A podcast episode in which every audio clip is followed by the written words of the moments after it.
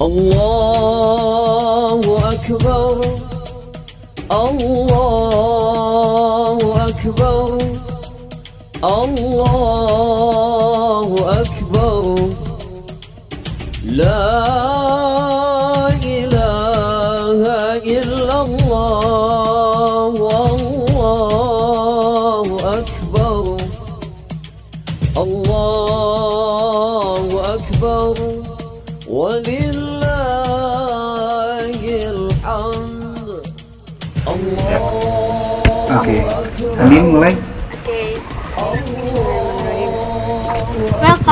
Ngobrak, ngobrol bareng Dagri.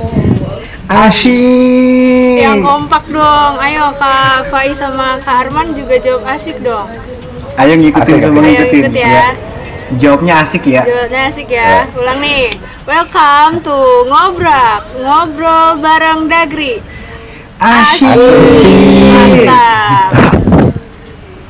Apa kabar nih sebelumnya semuanya? Alhamdulillah kabar baik, alhamdulillah. Mantap. Mas Fai gimana kabarnya Ya. Mas Fai? Alhamdulillah, kabar baik. Mas Arman. Gimana kabarnya Dika sama Mbak Andiani? Sehat? Baik dong, sehat. Alhamdulillah, kita mah selalu sehat. Alhamdulillah. Alhamdulillah. Ya. Oh iya, terima kasih juga buat Mas Arman sama Mas Fai yang sekarang sudah menyempatkan waktunya untuk datang mengisi podcast pada malam hari ini. Terima kasih ya, Mas. Terima Sama-sama. kasih Mas Arman. Iya, sama-sama. Oh iya, eh, bisa perkenalkan diri dulu nggak dari Mas Arman? Mas Mas Arman ini siapa? Ya. Dari mana? Jabatannya Sebagai apa? Iya, Oke. boleh dong. Ya, perkenalan ya. Eh, Bismillahirrahmanirrahim. Perkenalkan nama aku, nama saya Arman Maulana. Ya, sekarang alhamdulillah zamannya sebagai eh, Ketua Umum UKI Unsud tahun 2020-2021. Eh, jurusannya sekarang ya apa manajemen internasional tahun 2017 gitu. Oke. Terus lanjut nih, buat Mas Fai boleh perkenalkan diri? Eh, ya, perkenalkan nama saya Faizal Latif Ibrahim dari FOSE Unsur, jurusan Ilmu Ekonomi Studi Pembangunan tahun 2018. Oke. Sebagai apa nih Mas Fai di Aduh, FOSE? di FOSE saya sebagai koordinator dari koordinator departemen yang ada. Waduh. Mantap banget nggak? Nggak Din nih sekarang tamunya nih. Sekarang tamunya ketua-ketua semua nih. Keren nih petinggi-petinggi saya. Keren banget. Enggak, koordinator, bukan ketua. Aduh. Sama aja Sama lah ya aja orang kali. penting lah ya. Eh, eh. Oh ya, malam ini kita mau ngobrolin apa sih Din? Waduh, ah, dalam rangka sebentar lagi nih mendekati hari raya Idul Adha atau kurban. Ya kita nanya-nanya seputar kurban lah ke tamu-tamu kita dari UKI sama Fose ini Kak Dika. Oh gitu. Betul. Oh ya nih, sebelum kita ngobrol tentang Idul Adha, Iya. aku juga pengen tahu nih kesibukan dari Mas Arman sama Mas Fai itu Ih, apa nih betul sekarang? banget tuh. Gimana? Iya, dari Mas Fai deh. Sekarang kesibukannya apa sih Mas Fai? Ayo Mas Fai apa nih kesibukannya nih sekarang nih? Ah, kalau dari saya sendiri itu saat ini kesibukan di kemandirian FOSE ya terutama ya karena eh, sebentar lagi itu ada acara dua tahunan yang mana itu termasuk ke dalam acara besar FOSE gitu. Nama acaranya itu Seven Shelter. Mantap, acara dua tahunan Fose. Iya, acara Wah, rutin kapan dua tuh? tahunan. Insya Kalau Allah kapan tuh? di bulan September Insya Allah dilaksanakan di bulan September ya? September. Iya, Wah, semangat ya buat Fose ya. Semoga sukses acaranya. amin amin. Mantap. Terus apa lagi nih kesibukannya nih, Mas Fai? Paling siap-siap menerima nilai uas yang segera keluar. Aduh. Jangan lemas Kalau Mas. itu- Bawa santai aja Mas. Aduh. Kalau tuh kita kita nggak bisa kuat nih buat lihat nilai uas-uas sekarang kan. Iya itu makanya Aduh. apakah sesuai prediksi ataukah jauh dari prediksi ya? Kayaknya kita harus banyakin sholat tahajud sih biar Ih, tenang ya. setuju banget sama Mas. Boleh boleh boleh. Bener ya. Udah dari Mas Arman nih. Gimana nih kesibukannya apa nih? Ya, kesibukannya sekarang biasa ya, mahasiswa masuk semester 7. Uh, TW skripsi insya Allah sama ya mengurus organisasi yang tinggal setengah periode lagi dan di masa pandemi ini ya banyak bantu-bantu di rumah sih kegiatan banyak di rumah Wih mantap. KKN gimana mas? KKN? KKN alhamdulillah udah selesai kemarin gelombang satu alhamdulillah Alhamdulillah udah selesai ada tenang ya. iya Mantap. Nih buat Mas Fai, buat Mas Arman tetap semangat nih. Bentar lagi periode juga udah selesai kan kepengurusan. siap siap Tetap dijaga dong ya. Betul. Pasti. Mantap. sekre-sekre masing-masing nih harus tetap semangat walaupun tinggal setengah periode lagi. Iya. Ayo kita langsung ngobrolin tentang gitulah Sa. Manin. Oke, lanjut Kak Dika. Oh ya, Eh, berhubung nanti nih ya kita mau merayakan Idul Adha, aku juga pengen tahu dong sejarahnya Idul Adha, Idul Adha atau kurban tuh gimana sih, Mas Arman? langsung jawab nih Jawab aja deh. oke ya Eh, ya kita santai di sini ya sharing aja. Santai jadi aja. eh, kalau berbicara mengenai sejarah ya Idul Adha atau kurban itu sendiri ya. Idul, Ha- Idul Adha itu adalah eh, apa hari rayanya ya. Idul, Idul Adha itu adalah hari rayanya. Ya hari raya berkurban. Sedangkan kurban itu adalah eh, salah satu ibadah dalam syariat kita yang betul-betul sangat disyariatkan ya. Sangat utama dilakukan di eh, tanggal 10 Zulhijjah. Ya yang sekarang kita sudah masuk ke tanggal berapa? Tanggal 3 ya kalau nggak salah ya. Sekarang kita sudah masuk ke tanggal 3 atau tanggal 4 Zulhijjah. Nah jadi bentar lagi nih bentar lagi kita akan melaksanakan Idul Adha dan juga kurban. Nah kemudian ya itu kurban adalah ibadah paling utama ya paling afdol ya paling bagus dilakukan di eh, bulan-bulan ini ya terutama di tanggal 10 nanti. Bahkan lebih utama dari sedekah ya. Lebih, utama dari ibadah apa pun di hari tersebut. Nah untuk sejarahnya sendiri ya kita akan coba simak ya akan coba eh, telisik eh, apa yang Allah firmankan dalam Al-Quran jelaskan ter- terkait kurban. Nah, yang pertama adalah kurban ini ya disyariatkan oleh Allah Subhanahu wa taala itu untuk seluruh umat manusia. Ya, untuk seluruh umat manusia, umat para nabi dan rasul dari zaman ya Nabi Adam sampai zaman kita, zaman Nabi Muhammad Shallallahu alaihi wasallam ya. Dalilnya apa? Allah Subhanahu wa taala berfirman dalam surat Al-Hajj surat nomor 22 ayat ke-34 Allah Subhanahu wa taala berfirman walikulli ummatin ja'alna mansakan. Walikulli ummatin ja'alna mansakan. Ya dan pada dan eh, bagi setiap umat itu bagi setiap umat kami jadikan mansakan yaitu eh, syariat peribadatan kurban ya atau penyembelihan kurban. Nah ini dalam surat Al-Hajj ayat ke-34. Kemudian eh, awal mulanya kapan adanya eh, syariat ini ya? Yaitu bisa kita lihat juga dalam eh, firman Allah Subhanahu wa taala di surat Al-Maidah ayat ke-27. Al-Maidah surat ke-5 ayat ke-27 ya Allah Subhanahu wa taala mengisahkan kisah yang sangat indah sekali, kisah yang uh, maaf, kisah yang sangat luar biasa sekali yang banyak uh, diambil pelajarannya.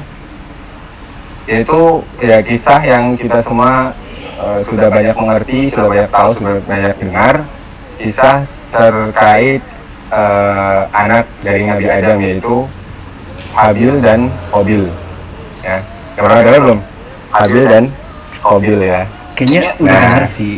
Kayaknya udah pernah dengar ya. Nah, Udah, cuman lupa kayaknya. ya, jadi Allah Subhanahu wa taala berfirman, "Watlu 'alaihim naba abni Adam bil haq." Ya. Ceritakan wahai Muhammad eh, terkait peristiwa yang dialami oleh anak-anak Nabi Adam alaihi salam dengan sebenar-benarnya. Ya. idh qarraba qurbanan fatuqabbila min ahadihima ketika mereka berdua ya Qabil dan Habil ini melakukan mempersembahkan kurban kepada Allah Subhanahu wa taala ya kemudian fatuqabbila min ahadihima Allah kemudian menerima kurban tersebut dari salah satu keduanya. Ya dari salah satu dari orang tersebut. Ya walam yutaqabbal minal akhar. Dan Allah menerima dari yang lainnya. Artinya Allah menerima dari kurbannya Habil dan Allah menerima dari kurbannya Qabil. Nah ya, di sini kita tahu bahwasanya syariat kurban ini sudah ada sejak dahulu sudah ada sejak eh, manusia pertama di muka bumi ini yaitu Nabi Adam alaihissalam ya. Kemudian lanjut ayatnya adalah Qala la'aqtulannak ya kemudian uh, Qabil berkata karena kurbannya itu nggak diterima oleh Allah Subhanahu Wa Taala dan dia merasa iri yang merasa dengki kepada uh, Habil ya maka dia ber- berkata sungguh aku akan membunuhmu wahai uh, Habil ya karena dia nggak terima itu persembahannya kurbannya itu sebagai bentuk ibadah dia kepada Allah Subhanahu Wa Taala nggak diterima oleh Allah Subhanahu Wa Taala sedangkan saudaranya itu diterima maka dia merasa iri Kemudian qala innama yataqabbalullahu minal muttaqin. Ya, sesungguhnya eh ini yang berkata Habil ya. Sesungguhnya Habil berkata, sesungguhnya Allah itu hanya menerima kurban, hanya menerima ibadah. Ya, namanya kurban itu adalah ibadah. Ya, hanya dari orang-orang yang bertakwa. Hanya dari orang-orang yang bertakwa. Qala innama yataqabbalullahu minal muttaqin. Nah, ini adalah kisah yang sudah terkenal, sudah masyhur ya, bagaimana dua insan ini berlomba dalam mempersembahkan kurban terbaik kepada Allah Subhanahu wa taala. Tapi pada Allah ya, hanya satu yang Allah terima yaitu dari Habil sehingga ya setelah peristiwa ini ya terjadi peristiwa yang sangat besar yaitu pembunuhan peristiwa pembunuhan pertama kali di dunia. Ya, pertama kali terjadi pembunuhan di dunia ini adalah ya Qabil membunuh Habil karena merasa tidak terima, merasa iri pada saudaranya. Nah, itu adalah eh, potret kurban di masa Nabi Adam alaihissalam atau di masa umat-umat sebelum kita. Kemudian eh, singkat saja selanjutnya Allah juga menjelaskan ya contoh lain di masa Nabi Ibrahim alaihissalam kisah juga yang sudah sering kita dengar ketika khutbah Id ya ketika menjelang menjelang hari Id Idul Adha ya. Allah Subhanahu wa taala menceritakan dalam Quran, Quran surat As-Saffat surat nomor 37 ayat ke-102 ya. Allah Subhanahu wa taala menceritakan Falamma balagha ma'ahu saya qala ya bunayya inni ara fil manami an ya'zbahuka fanzur madza tara ya. Jadi di ayat ini Allah mengisahkan eh, kisah dua orang yaitu Nabi Ibrahim dan anaknya yaitu Nabi Ismail alaihi wassalam. Ya yang mana ketika Ismail itu sudah beranjak dewasa falamma balagha ma'ahu saya sudah beranjak dewasa. Kemudian eh, Nabi Ibrahim berkata kepada Ismail bahwasanya beliau melihat di mimpinya ini Allah fil manami ani azbahuka aku melihat di mimpiku aku sedang uh, membu atau menyembelihmu Ismail gitu. Fanzur ada taro. Ya. Maka apakah pendapatmu wahai anakku gitu kan? Apakah pendapatmu? Apakah uh, tanggapanmu wahai anakku gitu. Nah ini masya Allah ya uh, satu contoh ya. satu contoh pendidikan yang sangat baik dari ayah pada anaknya biasanya. ya seorang ayah itu memberikan kesempatan kepada anaknya untuk bisa uh, memberikan pendapatnya gitu ya. Jadi apa? Nggak semuanya itu dipilih sama orang tuanya gitu kan? Banyak dari kita ya mungkin uh, di antara kita ada yang mengalami di mana orang tua itu mungkin sangat uh, mengekang anaknya ya. Sehingga semuanya apa apa dipilih semuanya ditentukan oleh orang tuanya gitu nah ini Nabi Ibrahim alaihissalam diberikan contoh yang baik dalam mendidik anak ya dalam Islam. Ya anak itu diberikan eh, kesempatan untuk memilih untuk bisa me, apa bisa me, mengeluarkan pendapatnya sendiri. Nah, kemudian Nabi Ismail menjawab ya karena beliau adalah seorang anak yang sangat bertakwa kepada Allah Subhanahu wa taala ya seorang anak yang sangat berbakti. Beliau betul-betul mengenal Allah Subhanahu wa taala beliau menjawab "Eh, ya abatif alma tu'mar wahai ayahandaku wahai ayahku yang aku sayangi if alma tu'mar ya kerjakanlah apa yang diperintahkan kepadamu ya karena di Ismail tahu bahwasanya eh, mimpi seorang nabi itu adalah wahyu dari Allah Subhanahu wa taala. Mimpi seorang nabi adalah wahyu dari Allah Subhanahu wa taala. Nabi Ismail tahu. Maka Nabi Ismail memerintahkan atau berpendapat yang mengatakan pada ayahnya, ya kerjakanlah wahai ayahandaku apa yang diperintahkan oleh Allah kepadamu. Ya, Sadajuni insyaallah minas sabirin. Ya. Insyaallah engkau akan mendapati hamba, mendapatiku ya wahai ayahandaku dalam aku dalam keadaan sabar ya. kalau memang itu takdir Allah taala kalau memang itu sudah memang perintah dari Allah Subhanahu wa taala maka ya kami akan bersabar. Saya akan bersabar. Ini luar biasa ya. Pelajaran yang sangat luar biasa dari Nabi Ismail alaihissalam. Bagaimana? Ketika seorang itu betul-betul mengenal Allah Subhanahu wa taala, seorang itu betul-betul beriman ya, yang iman ini dilandasi atas dasar ilmu ya. Maka ujian seberat apa pun ya dalam kehidupannya dia akan bisa melewatinya dengan bersabar gitu. Dengan bersabar. Yang mana kita tahu semuanya ya, teman-teman yang dirahmati Allah Subhanahu wa taala ya orang-orang yang ujiannya paling berat adalah bukan kita, ya bukan orang tua kita, bukan orang paling miskin di dunia, bukan. Orang yang ujiannya paling berat di dunia ini adalah para nabi dan rasul. Para nabi dan rasul karena keimanan mereka adalah keimanan yang sempurna, keimanan yang paling tinggi. Maka ujian itu berbanding lurus dengan tingkat keimanan kita. Semakin tinggi keimanan kita, semakin tinggi ketakwaan kita, maka ujian itu akan semakin berat, kan semakin berat. Nah, Nabi Ismail sabar ya. Maka dengan sabar ini Allah gantikan dengan sesuatu yang lebih baik. Wah, Maaf ya ini lepas. dengan sesuatu yang lebih baik. Ya, jadi apa namanya? Karena sabar ini Allah gantikan langsung ya Allah balas di dunia dengan balasan terbaik yaitu di ayat selanjutnya Allah menjelaskan wafadainahu bidibhin azim. Dan Allah mengganti ya Ismail itu ketika sudah mau disembelih oleh ayahnya Nabi Ibrahim Allah menggantikan Ismail itu dengan sembelihan yang besar dengan kambing yang besar yang gemuk. Nah inilah balasan terbaik bagi orang-orang yang bersabar atas segala ujian yang menimpa yang mana Allah Subhanahu wa taala juga berfirman dalam surat Az-Zumar ya innama yuwaffas sabiruna ajrahum bighairi hisab. Sesungguhnya pahala orang-orang bersabar itu ya pahala orang-orang yang bersabar itu bighairi hisab. Tanpa ada batasnya tanpa ada batasnya. Allah betul-betul ganjar kalau ketika kalau uji dia ya dengan cobaan. anaknya hilang ya. Coba bayangkan bagaimana perasaan Nabi Ibrahim alaihissalam ya seorang yang sudah tua ya. Yang pertama Ismail itu pada saat itu adalah anak satu-satunya. Anak satu-satunya dia punya. Ya mungkin lah kalau eh, anaknya dua tiga empat sepuluh ya. Kalau misal Allah ambil satu gitu untuk disembelih gitu kan mungkin masih ada oh masih ada anak lain gitu kan. Masih ada anak lain gitu. Masih ada yang itu masih ada yang sananya tapi ini sama anak satu-satunya. Yang kedua pada saat itu beliau Nabi Ibrahim alaihissalam dalam kondisi tua ya.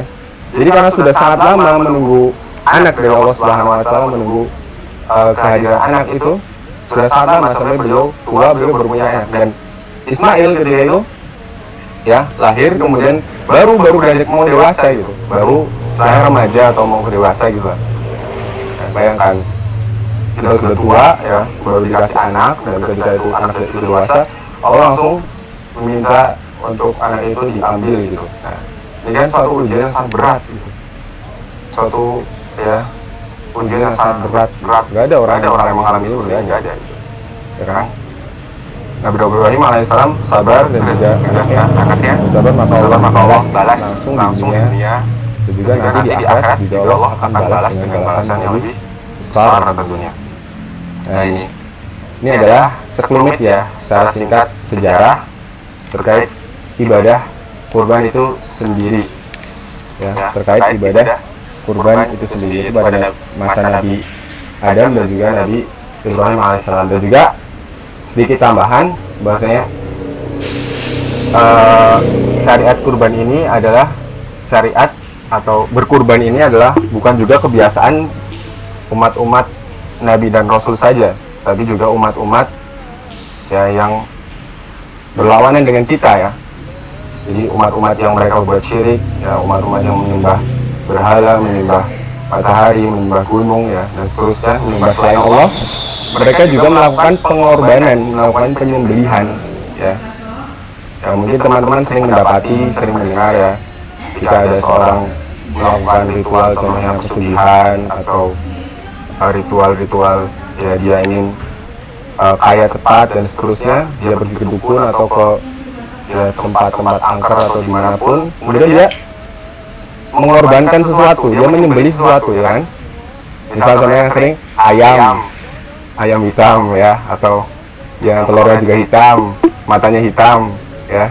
Ya, itu penyembelihan juga ya kan? Atau hewan lain gitu. Ya tapi ini bedanya adalah ini nggak sesuai syariat. Yang pertama ya nggak sesuai syariat karena yang disembelih bu- bukan yang disyariatkan dan juga yang kedua ya penyembelihan ini itu bertentangan dengan uh, tauhid ya. jadi penyembelihan ini dilakukan untuk selain Allah. Untuk selain Allah untuk kuburan untuk pohon misal untuk tempat angker untuk dukun dan seterusnya. Untuk matahari misal. Nah ini adalah bentuk ya pengorbanan yang tidak dibolehkan dalam syariat. Bentuk penyembelihan yang tidak boleh dalam syariat. Gitu ya. Nah, ini udah dikasih tanda. Ya siap. Ya sudah itu eh, apa namanya untuk sejarahnya ya? Mungkin gitu. Waduh. Jadi sekarang kita tahu nih sejarah-sejarah awal mulanya Idul Adha itu seperti apa. Ternyata awal mulanya dari Nabi Ibrahim ya. Iya kasih loh Mas Arman loh. Jadi Wah. tahu nih sejarahnya. Jadi jadi ini namanya mem- memorize atau apa itu? Mengingatkan ke cerita-cerita lama tentang Idul Adha nih, Mas Arwan. Betul. Wah mantap nih. Oh iya nih, kalau keutama dari Idul Adha itu gimana ya mas? Keutamanya itu apa ya? utama dari Idul Adha ya Hmm. ya keutamaan dari Idul Adha atau kurban itu sendiri ya nah Idul Adha itu adalah hari yang paling utama. Kata sebagian ulama adalah hari yang paling utama dalam agama kita. Jadi kita tahu ada eh, apa namanya hari yang paling utama dalam satu minggu misalnya hari Jumat. Kemudian ada uh, bulan paling utama ya bulan Ramadan dalam 12 bulan ya. Kemudian 10 malam yang paling utama adalah 10 malam terakhir bulan Ramadan karena di adalah mai ada malam Lailatul Qadar malam diturunkannya Al-Qur'an. Maka kata sebagai ulama hari yang paling mulia sepanjang satu tahun. Sepanjang satu tahun ya 360 sekian hari itu adalah Yaumun Nahar hari berkurban yaitu Idul Adha ya. Karena eh, hari ini masuk ke dalam ya 10 hari pertama bulan Zulhijjah 10 hari pertama bulan Zulhijjah yang mana Allah Subhanahu wa taala bersumpah dengan 10 hari tersebut dalam surat Al-Fajr. Wal fajr wal layalin ashr ya wasyafa'i wal watr ya demi waktu subuh demi fajar dan demi uh, malam yang 10 malam yang 10 para ulama berbeda pendapat terkait penafsiran ini. Cuman Allah Ta'ala alam ya yang kami uh, mengetahui yang pendapat terkuat adalah 10 malam yang Allah jadikan sumpah ini adalah suatu yang besar yaitu 10 malam atau 10 hari ya. mohon maaf 10 hari di di uh, terakhir atau di awal di awal ya di awal bulan Zulhijjah Nah, ini adalah hari-hari yang mulia di mana kita disunahkan untuk berpuasa. Ya berpuasa hari Asyura eh berpuasa ya hari Arafah ya mohon maaf. Berpuasa di Arafah tanggal 9 Zulhijjah memperbanyak puasa bahkan Nabi dalam satu hadis itu berpuasa di tanggal 1 sampai tanggal, sampai tanggal 9 Zulhijjah. Kemudian, kemudian kita disunahkan juga untuk bertakbir. Intinya 10 hari ini adalah eh, 10 hari yang sangat utama ya, 10 hari terbaik bahkan ya. Kalau tadi 10 malam terbaik adalah 10 malam terakhir Ramadan, maka kalau siang hari terbaik itu adalah siang hari 10 hari pertama di bulan Zulhijjah dari tanggal 1 sampai tanggal 10 yang ditutup dengan sholat id dan penyembelihan hewan kurban. Nah, itu keutamaan hari Idul Adha ya. Dan juga Allah berfirman di ayat selanjutnya, wasyaf'i wal watar. Ya.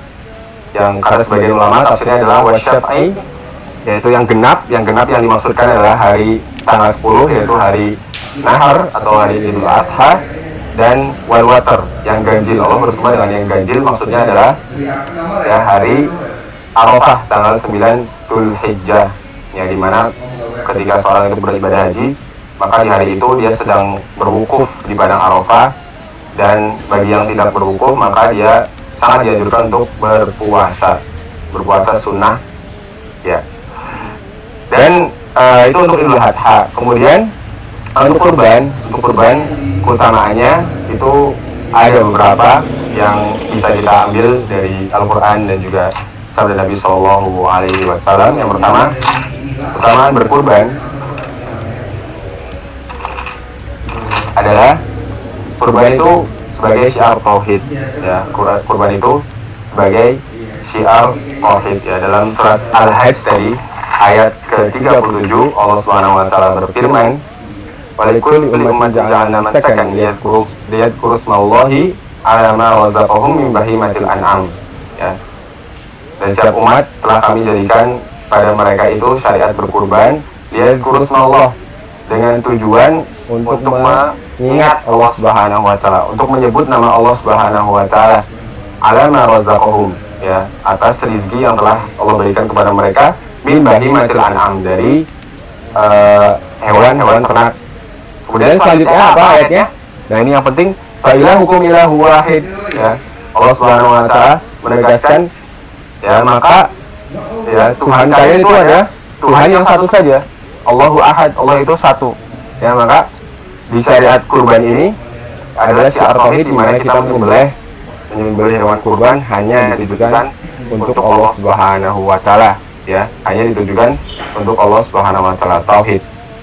Kemudian yang kedua singkat saja yaitu uh, keutamaannya adalah sebagai bentuk syukur syukur kepada Allah Subhanahu wa taala. Allah Subhanahu wa taala berfirman dalam surat Al-Kautsar yang kita sudah hafal ya, inna a'tainaka al-kautsar fasalli li rabbika wanhar. Sebenarnya kami telah memberikan kepada Muhammad Al-Kautsar yaitu kata sebagian ulama sebuah sungai di surga atau di akhirat nanti yang khusus diberikan kepada Nabi Muhammad sallallahu alaihi wasallam. Fasalli li rabbika wanhar maka kak salatlah dan juga berkurbanlah. Ya, fasalli li rabbika salatlah untuk Tuhanmu dan berkurbanlah. Nah, ini menjadi dalil bahwasanya apa, namanya? Kurban itu sebagai bentuk syukur kita kepada Allah Subhanahu wa taala atas nikmat nikmat yang Allah berikan kepada kita. Kemudian yang ketiga adalah hik- hikmah atau keutamaan kurban adalah sebagai eh, jadi di kurban itu ada dua ibadah ya. Yang pertama ibadah menyembelih, ibadah menyembelih, dan yang kedua adalah ibadah sedekah. Ya. Jadi kita menyembelih atas nama Allah Subhanahu wa taala kemudian kita bersedekah.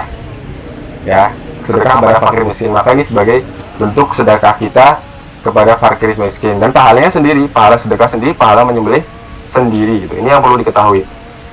Yang kemudian yang keempat, utamanya adalah menyembelih eh, di hari kurban ini adalah bentuk ketakwaan kepada Allah Subhanahu wa taala. Jadi yang Allah terima tuh bukan bukan daging kita yang kita sembelih, bukan. Jadi kita nyembelih kami nih, kita dapat daging. Bukan Allah bukan terima daging kita, Allah bukan terima darah kita, gitu kan? Dalilnya apa? Dalam Surat Al-Hajj ayat selanjutnya ke 37 Allah Subhanahu wa taala berfirman, "La yanallahu la yanalallaha luhumuha wa la dima'uha walakin yanaluhu at-taqwa minkum." Ya. Sangat indah sekali. Allah itu nggak akan menerima daging sembelihan kalian, enggak. Allah tuh nggak nggak akan sampai daging sembelihan kalian, nggak akan sampai darah-darah dari hewan yang kalian sembelih. Walaki analuhu taqwa minkum. Ini sangat indah sekali. Betul-betul indah sekali. Ya. Sedangkan yang tapi yang akan sampai kepada Allah Subhanahu wa taala itu bukan darah, bukan daging, tapi ketakwaan kalian. Ketakwaan kalian ya. Yang nama takwa itu ada dalam hati kita. Rasa takut kepada Allah, ya kita menjalankan dengan diwujudkan dengan kurban ini, diamalkan dengan kurban itu sebagai bentuk takwa kita kepada Allah Subhanahu wa taala. Nah, itu mungkin ya keutamaan dari Idul Adha dan kurban yang kami sampaikan. Oke oke. Wah, dari kita udah denger ya. Ternyata keutamaan dari Idul Adha itu ada empat ya, Mas Arman. Betul nggak? Empat ya? Ya, kurban tuh. Kurban kurban ya. empat ya. Ya. Oke oke oke. Terus, ayo Mbak Andin Oke nih. lanjut kita ke next question. Next question untuk Mas Fa ini. Aku mau nanya dong, kenapa momen Idul Fitri itu lebih dirayakan besar-besaran ya? Eh, seperti kita ketahui, kemarin kan kita udah ngerayain Idul Fitri tuh. Kenapa dirayainnya lebih besar-besaran dibandingkan Idul Adha? Padahal Idul Adha sendiri itu berarti hari besar juga. Kenapa tuh Mas Fa? Nah iya tuh, kenapa tuh kok bisa Oke, saya jawab ya. itu Idul, Nah, Idul Fitri terkait dan dengan Idul Adha kok kayak Idul Fitri dirayakan lebih hmm, hype biasa-biasa dari aja gitu. Iya betul. Eh, Gimana yang penjelasannya pertama kalau boleh saya katakan itu hari raya Idul Oke, Fitri saya jawab di ya. negara kita lebih tepatnya dapat dilihat sebagai Idul Fitri dirayakan eh, lebih perayaan kebudayaan seperti itu ketimbang perayaan dari keagamaan itu sendiri Pertama, kalau meskipun boleh saya katakan pada itu dasarnya Idul Fitri setiap hari negara rayanya kita ya lebih didasarkan dengan agama tapi mungkin perayaan kebudayaan yang seperti membuat di negara kita itu Idul Fitri lebih ramai daripada Idul Adha karena semua kalangan dapat ikut merayakan Idul Fitri gitu. ya sedangkan yang eh, membuat untuk Idul Adha di sendiri kan hanya kita itu Idul Fitri eh, lebih ramai orang-orang yang mampu khususnya semua kalangan dapat ikut merayakan Idul Fitri gitu dan ibadah haji. Gitu. meskipun memang dinikmati bersama eh, tapi untuk Idul Adha sendiri kan hanya secara untuk orang-orang yang mampu khususnya bukan mampu untuk melaksanakan eh, kurban pribadi itu lebih ibadah haji mana yang puasa Ramadan karena kita sudah satu bulan penuh melaksanakan puasa dengan secara eh, kewajiban-kewajibannya dan juga sunah-sunahnya yang membuat kita jadi lebih merasa wah kita ini harus dirayain satu kayak gitu sih kalau dari pandangan saya. terkait dengan kenapa Idul Fitri lebih ramai juga daripada Idul Adha ya meskipun di timur dari saya terkait dengan kenapa Idul Fitri lebih ramai dari dari Oh jadi gitu. Hmm. Gitu.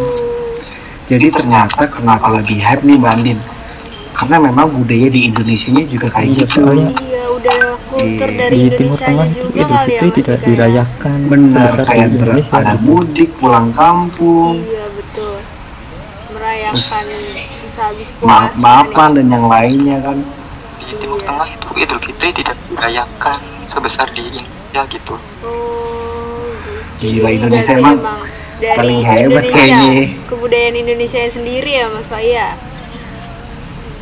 Oke oke. Lanjut Mas. Ya udah, lanjut ya. Oke. Oke nih, buat Mas Arman nih, eh, hukumnya Iya. kurban. Apa aja sih hukum kurban serta syarat-syarat bagi yang hendak mau kurban? Itu syaratnya kayak kambing punya tetangga boleh nggak sih? Atau gimana nih? Coba jelasin dong. Jangan kami punya tangga ya. Dosa nih. Wah, nggak boleh ya? Gak boleh ya. Astagfirullahaladzim. Kami sendiri, kami sendiri ya. Sendiri ya. Nggak boleh nggak sendiri. duit ya, nabung dulu, nabung dulu. Oke oke, masih nabung buat berangkat nikah dulu nih, nih. Oh enggak.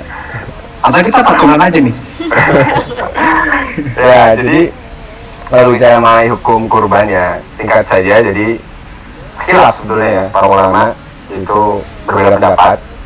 Tapi kalau alam yang yang kuat ya, ya dalam masa syafi'i juga yang kita pegang di negara kita adalah hukumnya sunnah muakkad. Sunnah muakkad ya, yaitu sunnah yang betul-betul dianjurkan ya. Kalau bagi yang mampu berkurban ya, ya. Itu hendaknya dia mengeluarkan hartanya untuk berkurban ya yang mampu ya. Karena bagi yang tidak mampu maka insya Allah tidak mengapa. itu sunnah maka ya. Meskipun sebagian ulama juga ada yang berpendapat wajib ya ada yang berpendapat wajib ya itu secara singkat saja kemudian eh, syaratnya apa aja? orang yang berkurban itu ya kurang lebih ada empat tiga atau empat ya. Yang pertama seorang yang berkurban itu jelas harus Islam ya. Harus Islam. Ya disebutkan di sini dalam kitab uh, Fiqh Muyassar ya yang saya pakai rujukannya adalah Islam yaitu apa namanya karena Allah tidak akan menerima kurban itu tidak sah kalau seorang itu kafir ya. Orang itu non muslim orang itu bukan Islam. Ya yang kedua caranya bagi orang yang hendak berkurban adalah al buluk wal akal yaitu balik dan berakal. Ya, jadi kurban tidak sah kalau yang kurban itu orang kecil ya atau orang yang gila orang yang nggak berakal. Secara singkat kemudian yang ketiga al istiqomah yaitu mampu. Yang ketiga adalah dia mampu nah ini ini, ini yang perlu perlu apa namanya perlu diperhatikan ya. Jadi ukuran orang kurban mampu itu seperti apa gitu? Ya kan? Orang seorang kurban ini dikatakan dia hartanya berlebih dan dia mampu itu seperti apa. Nah ini ya para ulama menjelaskan. ya jadi so- seorang itu diukuri mampu untuk berkurban adalah ketika dia ya perhatikan di sini ini penting. Ketika dia ketika eh, hari nahar ya tanggal 10 itu dan juga hari tasyrik ya yaitu tanggal 11, 12, 13 jadi dalam 4 hari itu dia punya persediaan makanan pokok ya untuk dirinya sendiri dan juga untuk orang-orang yang tanggung keluarganya misal ya. Nah ini perhatikan. Dan ya setelah dia punya persediaan ini dia punya harta lebih untuk dia bisa belikan kambing misalnya minimal kambing. Nah maka dia sudah uh, dianjurkan untuk berkurban dia sudah wajib berkurbannya kalau yang mengatakan wajib kalau yang mengatakan sama maka dia sudah betul-betul dianjurkan untuk berkurban ya. ya jangan sampai dia punya kelebihan harta tapi dia tidak berkurban. Kemudian uh, syarat yang lain juga jadi ta- tambahan sedikit yaitu seorang yang berkurban itu yang berniat berkurban tidak boleh memotong kuku dan juga memotong uh, memotong mencukur rambut ya. Memotong kuku dan mencukur rambut semenjak tanggal 1 Zulhijjah ya. Semenjak masuk 10 hari pertama itu tidak boleh memotong kuku dan mencukur rambut ya. Karena ada hadis Nabi Shallallahu Alaihi Wasallam yang melarang hal tersebut ya. Jadi dia boleh potong kuku pot- boleh cukur rambut ketika dia sudah memastikan betul-betul hewannya itu yang dia beli untuk kurban sudah disembelih. baru dia boleh memotong kuku dan juga mencukur rambutnya ya sebelum itu dari tanggal 1 dia nggak boleh untuk memotong kuku dan mencukur rambut itu kurang lebih Oke, mantap kali jawabannya dari Mas Arman. Keren banget nih Mas Arman. Mantap. Oke, Mbak Andin, Oke, kita langsung kita next question. Kan tadi kita udah denger ya syarat-syarat untuk yang hendak berkurban. Sekarang aku mau Oh, nanya lagi nih oke. untuk Jose, Mas Faik. Kira-kira apa aja sih kriteria her- hewan kurban sendiri itu?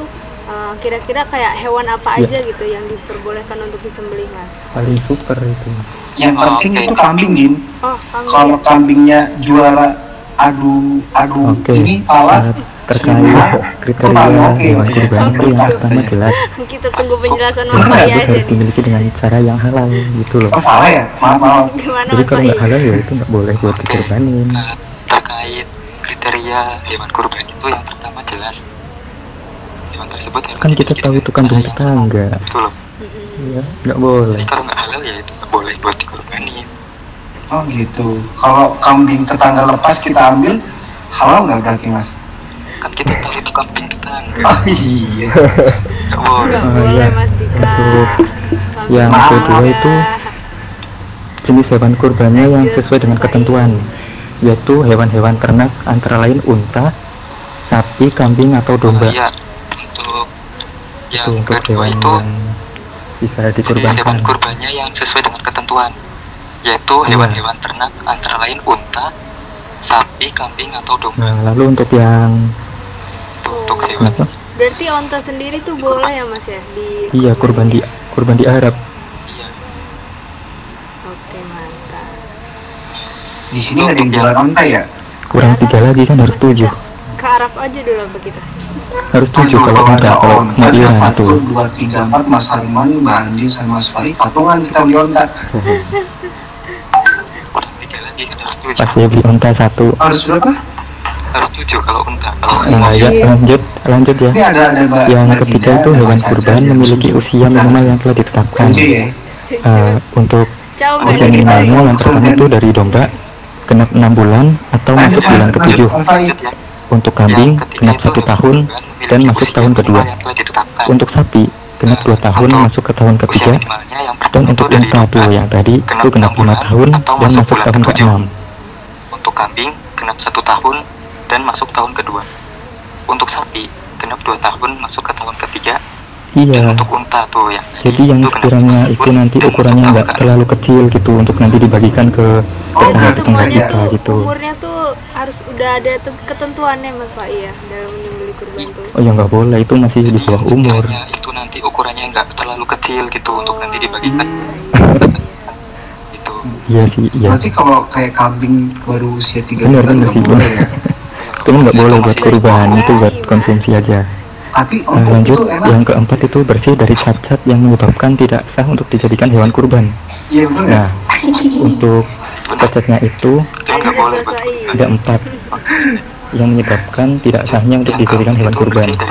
yang pertama tidak sebelah matanya dan jelas butanya nah kedua sakit dan jelas sakitnya. ketiga pincang dan jelas pincangnya. Dan terakhir sangat kurus. itu nggak boleh buat kurban yang pertama buta sebelah matanya dan jelas butanya. Kedua sakit dan jelas sakitnya. Dan buat yang ketiga kelima itu dan jelas pincangnya. Dan eh, terakhir jika pengadaan hewan kurban dari hasil iuran. maka peserta iuran tidak boleh melebihi batas maksimal. Untuk sapi maksimal tujuh orang. Unta maksimal tuh 10 sedangkan untuk kambing tidak boleh ada urunan harus dari iuran. diri sendiri maka peserta iuran untuk tidak kambing. boleh melebihi batas maksimal. Untuk sapi maksimal tujuh orang, unta maksimal 10, sedangkan untuk kambing tidak boleh ada urunan harus iya dari jadi kalau kambing itu harus sendiri satu kambing kambing. satu orang Oh, jadi Oh, ada iya. perbedaan ya Mas ya antara kambing dan sapi nih mengenai urunan lah istilahnya mengenai Oh, biaya. itu tadi lima Ya, jadi gitu. kalau kambing itu harus sendiri, satu kambing satu orang. Tuh, catat Mas Dika. Oh siap siap Manin. Oke. Kayak itu tadi lima syarat kurban. Oh, tuh teman-teman udah ada ya kriteria-kriterianya mantap banget nih Mas Wai. Terima kasih Mas Wai. Lanjut nih Mas Dika, kita lanjut aja kali ya. Oke nih, ada pertanyaan buat Mas Arman nih ya. Eh, boleh nggak sih kurban dengan nilai rupiahnya tuh untuk fukara wal masakin? Eh, sebentar dulu. Ini yang buat pertanyaan siapa? Fukara wal masakin apa ya? Eh, coba deh langsung dijelasin aja sama Mas Ah, ini sebenarnya saya nggak kurang mudeng nih, maksudnya gimana nih pertanyaannya? Yang bikin pertanyaan siapa nih? Dika apa? Dika apa? Andian. Andian. Aku aku yang nanya. Maksudnya gimana ya maksudnya? gimana ya maksudnya? Jelasin dong, Jelasin Aku juga nggak tahu nih Dika. pertanyaan gimana maksudnya. Maksudnya gimana gitu? Boleh Saya pada kan? bolehkan kurban dengan nilai rupiahnya untuk fukoro masakin ya. Kalau saya tangkap ya. Hmm, itu berarti kurbannya Dika. dengan uang gitu apa gimana? coba setangkapnya Mas Arman aja deh. Saya juga baru tahu nih ya. bikin pertanyaan siapa nih. Ya bikin pertanyaan siapa nih? Aduh, parah nih. Gimana? Ya, Bikin kita bingung nih. Ya kan? Hmm. Ya, ya kalau setangkap saya berarti kurban Kurban dengan, dengan nilai rupiah. nilai rupiah ya. Hmm. Maksudnya Yang pertama mungkin ya, mungkin ya si penanya ini saya nggak tahu ya. Mungkin Agi ya katanya. Itu bukan Ini kayaknya dari warga KMFEB nih yang nanya nih. Oh, di luar Waduh. Iya nih. Tidak kita tahu ya siapa ini ya. Ya kalau yang saya tangkap ya gimana ya? Bolehkah kurban dengan nilai rupiahnya ya untuk fukoro wal masakin ya. Mungkin yang pertama ini ya, kemungkinan yang pertama dia pengen kurban tapi dia nggak pengen nyembelih mungkin ya. Artinya dia cuman apa modal duit aja gitu ya. Hmm, Nah itu boleh, boleh, ya, boleh insya Allah ya, boleh. Yang terpenting dia betul-betul memperhatikan ya syarat-syarat tadi yang juga disampaikan udah disampaikan Mas Faiz ya, Oh, dan gitu. juga syarat yang kami sampaikan tadi, ya. Dan ya dia harus berniat, ya harus berniat mau dia akan kurban, ya. Dan juga diusahakan nih diusahakan benar-benar nih diusahakan untuk hadir. Ya kalau dia nggak bisa menyembelih karena dia takut mungkin ya. Kayak kita takut ya nih? Takut sih takut darah asli berarti Ya, kambing kalau- dong kambing takut. Ya iya paling Ya. kan kalau kurbanan jimit aja ya jimit. Nah itu jadi ya harus hadir lah minimal gitu karena kita mengikuti su- sunnah dan sunnah dari Nabi Shallallahu Alaihi Wasallam ya hadir minimal ya untuk melihat. Sehingga kita tadi kalau misal kita mau potong kuku mau potong rambut bisa memastikan oh ini udah disembelih. hewan saya berarti kita udah bisa potong kuku udah bisa potong rambut itu juga salah satu manfaatnya. Nah itu kemudian yang pertama ya. Terus kemudian yang kedua ya mungkin di pertanyaan ini kurban hanya dengan uang saja gitu ya? Hmm, maksudnya dia nggak belikan itu kambing. atau gimana? atau udah masuk tadi yang pertama? kira-kira. Kayaknya yang pertama aja deh. Ayo ya ayo. iya. ya udah kayak gitu. jadi boleh asalkan dia ya betul-betul memastikan tadi syarat-syaratnya terpenuhi dan dia usahakan hadir di penyembelihan itu kalau dia mau menyembelih tapi kalau emang bener takut darah takut Hmm. kayak digorok itu kan lihat kambing gorok boleh gak ikut ya? Ya kalau misal betul-betul takut ya fobia misalnya Dika ya? Atau Hmm. yang perempuan ya Andi tahu misal saya apa saya namanya? takut aja gitu. Takut ya? Ya boleh boleh saja boleh. Asal ya tadi dia harus betul-betul mengamanahkan dengan tukang jaga yang terpercaya gitu ya oh. Dan yang beli kambing juga harus terpercaya gitu. Jangan sampai tadi misalnya disampaikan Mas Fai tadi kan? eh, nggak boleh cacat nggak boleh pincang ya. jangan sampai nanti eh, yang beli kambing yang kita amanahkan itu dia belinya yang pincang atau yang buta. Ya jadi Hmm. nggak sah nanti kurbannya kita rugi. Nah, mau harus betul-betul dipastikan ya, harus dikontrolin terus. Nih, tulang Oh, gitu. gimana? Udah disembelih belum? Nah, udah disembelih, baru kita bisa ya eh, tadi potong kuku dan eh, memotong rambut gitu. oke ini Waduh. Mbak Andin juga bisa kok jadi Kalau jaga apaan dulu Oh, nih Mas, jangan saya saya. sama Mbak Andin Mas Dika dulu deh contohin gimana. Ini jarang perempuan loh, perempuan Mas. Fali kayaknya Mas Fali kayaknya juga bisa nih Oh. Mas Fai. Kita berguru sama Mas Fai aja gimana? apaan dulu iya oke lanjut Oke. Kan banyak nih ya setelah kita sembelih hewan nih. Jadi uh, berbentuk daging terus dibagikan terus kemudian diolah ada yang jadi sate, jadi sop atau hidangan-hidangan yang lain. Nah, mau Oh, nanya nih sama Fai. terkait Uh, pendistribusian boleh daging kurban kurban dalam bentuk makan itu, bentuk yang sudah kalau sudah jadi hidangan gitu. dari yang saya tangkap dari para ulama mengenai hal dimasak. ini Gimana pertama itu daging yang sesuai kadar wajib diberikan kepada kaum fakir atau miskin Ya, tidak diperbolehkan dalam bentuk sudah dimasak kalau itu karena iya kalau untuk yang fakir dan miskin itu karena daging tersebut sesuai merupakan hak kaum fakir dan miskin secara penuh bukan hanya untuk mengkonsumsinya tapi mereka juga boleh untuk menjual dagingnya begitu ya? iya kalau untuk Tapi- yang fakir dan miskin itu karena iya boleh kalau kalau merupakan hak kaum fakir Mm-mm. dan miskin secara penuh bukan hanya Iya. untuk konsumsinya tapi jika daging yang dibagikan untuk melebihi batas minimal. Yang berkurban itu ya, diberikan ya? kebebasan untuk membagikannya bisa mentah atau sudah masak gitu ya, Mas? misal yang fakir-fakir miskin sudah dapat yang semua nih masih ada lebihan ah Ya. kita masak aja buat dimakan bareng-bareng itu gitu bisa diberikan kebebasan untuk membagikannya bisa mentah atau sudah masak gitu Kalau oke. fakir-fakir miskin sudah dapat semua iya masih ada lebihan nah, kita masak aja buat dimakan bareng-bareng itu bisa Oke. Udah cukup Mas Fai tanggapannya?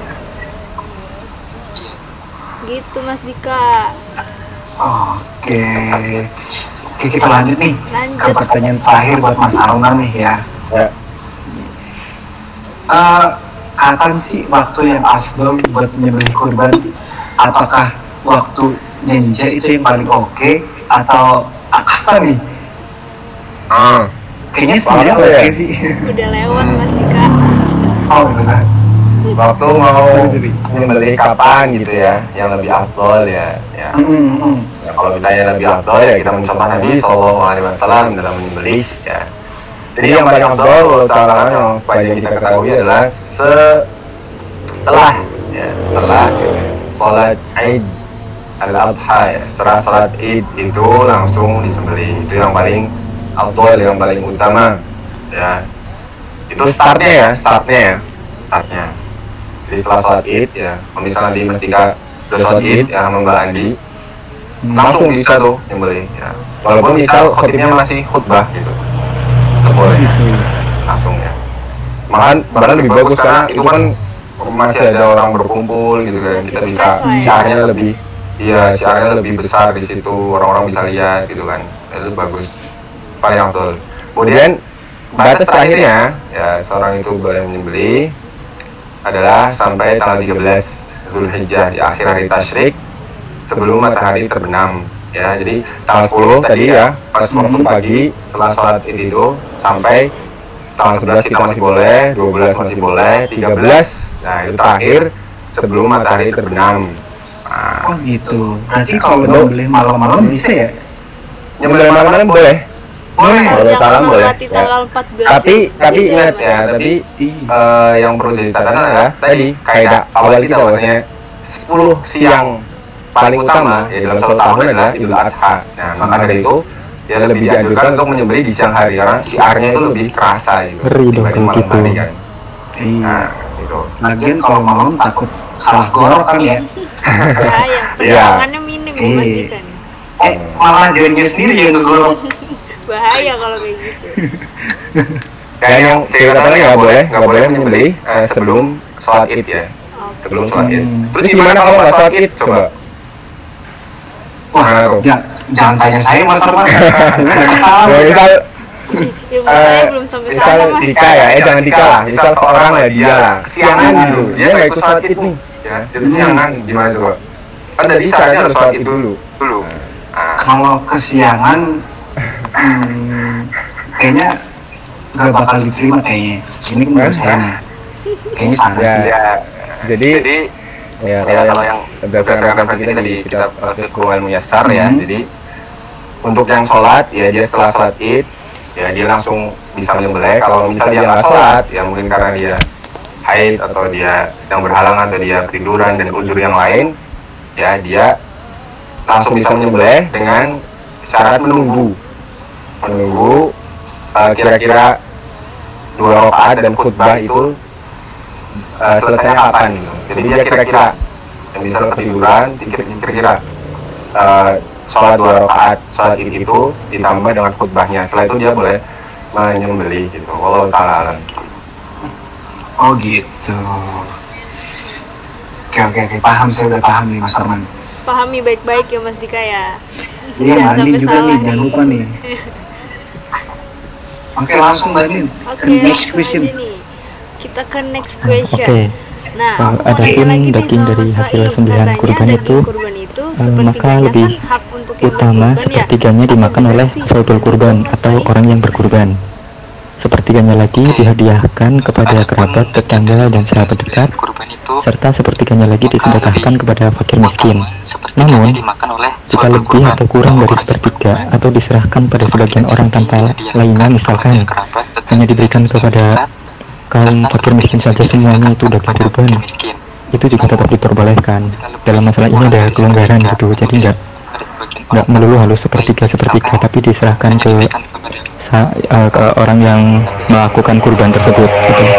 kalau misal dia mau mengambil sepertiganya ya monggo kalau misal mau dia serahkan semuanya untuk dibagikan ya monggo begitu orang yang melakukan kurban tersebut. Kalau misal dia mau mengambil sepertiganya ya monggo kalau mau dia serahkan itu Mbak Andin Jadi lebih baik kita berbagi karena sharing is caring ya enggak Mas Dika? itu waduh jadi itulah teman saya tuh Mantap. Oke, kita next question lagi nih untuk Mas Fai. Eh, kayaknya ini jadi last question nih di podcast kita nih. Waduh jadi yang terakhir nih. Iya. iya aduh Jangan sedih gitu dong Mas Fai. Oke, lanjut ya. Eh, di hari kurban ini kan nggak sedikit ya organisasi yang berkurban. Maksudnya mereka juga pada berlomba-lomba nih untuk merayakan kurban ini. Kemudian na- terkait dananya eh, itu kurban di sekolah biasanya atau di patungan mana atau gitu sumbangan kan per orang. itu sebenarnya nah, itu ada hukumnya nggak sih Mas Fai? untuk Hukumnya itu menyelenggarakan gimana? penyembelihan kurban namun eh, perlu diingat bahwa kurban di apakah sekolah hal penyembelihan itu dilakukan dengan sebenarnya ketentuan-ketentuan yang ada gitu. Misalkan seperti di organisasi nanti menarik uang dari para anggotanya entah itu berapa besar itu kan dalam satu organisasi ada banyak. Misal satu orang ditarik 15 ribu 20 ribu gitu buat beli satu ekor sapi. Nah sedangkan syarat seekor sapi bisa dijadikan hewan kurban itu maksimal iurannya itu hanya tujuh orang gitu. Sedangkan dalam organisasi itu kan banyak. Nah perlu eh, di kita telusuri lebih lanjut apakah status hewan yang disembelih itu adalah ibadah kurban atau hanya latihan kurban begitu?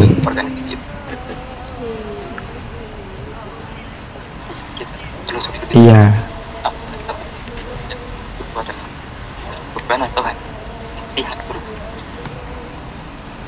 Oke, jadi kembali lagi ke ketentuannya ya Mas ya, sesuai atau tidak nih. Wah, udah selesai nih, Lin. Pertanyaannya. Oh, udah selesai nih. Ada tanggapan lain nggak dari masing-masing tamu nih?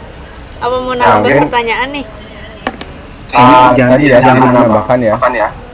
Jadi pertanyaan terakhir gitu. Ah, Hmm, Jadi Mas ya, yang disampaikan Mas Fai ya.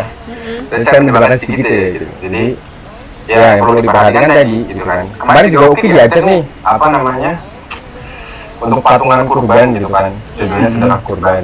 Nah, tapi yang perlu diperhatikan adalah eh, tadi harus jelas gitu. Misal dia satu perusahaan sekolah ya. Nah, dia kan ada pemiliknya. Ya, dia kurbannya atas nama siapa? Misal dia beli ya, misalnya Dika yang punya perusahaan nih atau amin, dia, amin, dia Amin, ya berkumpul Allah. kumpulan orang ya, misal Andi, Dika sama Anggi tiga misal. Nah, dia berkurban, nah berkurban misal eh, katakanlah 10 sapi misalnya, 10 sapi. Insya Allah. Nah, itu harus jelas itu kurbannya untuk siapa saja, itu kan ya. Atau bisa juga kalau mau atas nama satu perusahaan itu dihadiahkan karyawan, dihadiahkan ke karyawan. Jadi misal Dika punya perusahaan karyawannya banyak, yang mau Dika punya uang lebih, jangan amin ya. Nah, jadi beli 10 sapi ya. Tapi harus jelas. ini sapi pertama. ini untuk karyawan A B C D sampai 7. Nah, hari sapi kedua untuk dan seterusnya. Nama-namanya harus jelas gitu. dan harus tahu orangnya. orangnya. Harus tahu dikasih tahu bahwa saya menghadiahkan kurban kamu. supaya dia bisa ingat bahwa dia di hari tanggal 10 itu hari nahar dia mau berkurban gitu kan. Atau kalau bisa dia hadir. Ya terus Nah, kalau misal mau dihadiahkan ke karyawan ya. Adapun kalau misal nama satu perusahaan ya. tapi dia eh, apa namanya? urunannya itu misal urunan gitu ya. itu nggak sah jadinya. ya misal satu perusahaan misal petinggi-petingginya itu urunan. ya. Hmm. urunan dan apa? jumlahnya itu tidak sesuai dengan eh, batas maksimal ya. jadi misal eh, kambing misal satu orang atau sapi tadi tujuh orang ya kemudian yang urunan itu lebih dari itu misal 10 orang pimpinan itu urunan untuk beli satu sapi dan ini memang nggak boleh. Ya jadi harus jelas betul-betul jelas ini kurbannya atas nama siapa ya yang urunan siapa dan kalau mau dihadiahkan juga harus jelas. harus jelas ya, Ini dihadiahkan untuk siapa saja. kayak gitu Kayak gitu mungkin, mungkin, eh, untuk tambahannya. Gimana Dika nih? Bagaimana tanggapannya Mas nih? bingung apa bingung nih Iya, gimana gitu. Enggak jelas kok paham. Ada. Jadi yang penting kalau mau emang berkurban itu jelas mau kita kasihnya ke siapa Betul, gitu kan. pembagiannya harus jelas Nah, ya nama siapa ya gitu Kalau gitu kita gantian tanya Mas Herman. Ya, kita udah kehabisan pertanyaan nih, Mbak Min. Oke, udah jadi last question tadi tuh, keren Oh, banget. udah last question. Berarti udah di penghujung acara nih. Yo, gimana nih Mas Dika nih? Gimana nih? Kayaknya sudah cukup sampai di sini podcast pada malam hari ini ya, teman-teman. Iya, Terima kasih banyak nih buat Mas. Arman, buat, buat Mas Fai. Terima kasih Ini- loh sudah meluangkan waktunya datang atau mampir ke podcastnya Dani. Iya, sama udah jadi juga, Ya, udah jadi. ya. sama-sama Enggak, aku Terus juga enggak. mau semangat nih buat Mas Fai, buat, buat Mas Arman. Kan jadi panitia kali yang enggak. Pasti nih, ya kan. oh aku nggak jadi Oh, nggak jadi. nggak jadi jadi juga. Pak Aing mungkin Oh, jadi iya. juga. Ya. Aja nih Mas Dika. Gak ada, kirain jadi panitia kurban.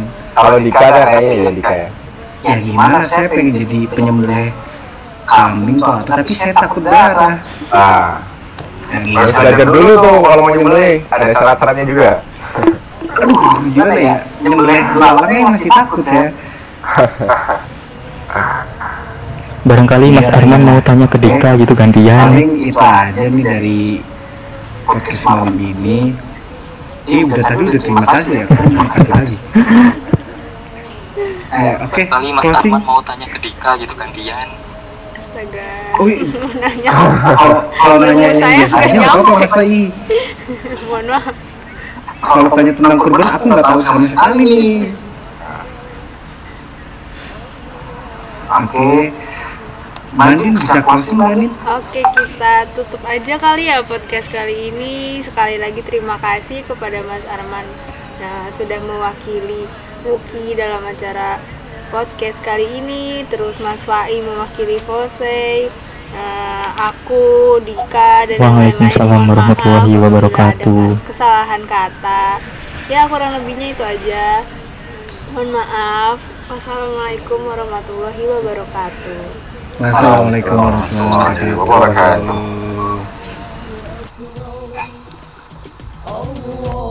الله أكبر لا إله إلا الله. الله أكبر. الله أكبر. ولله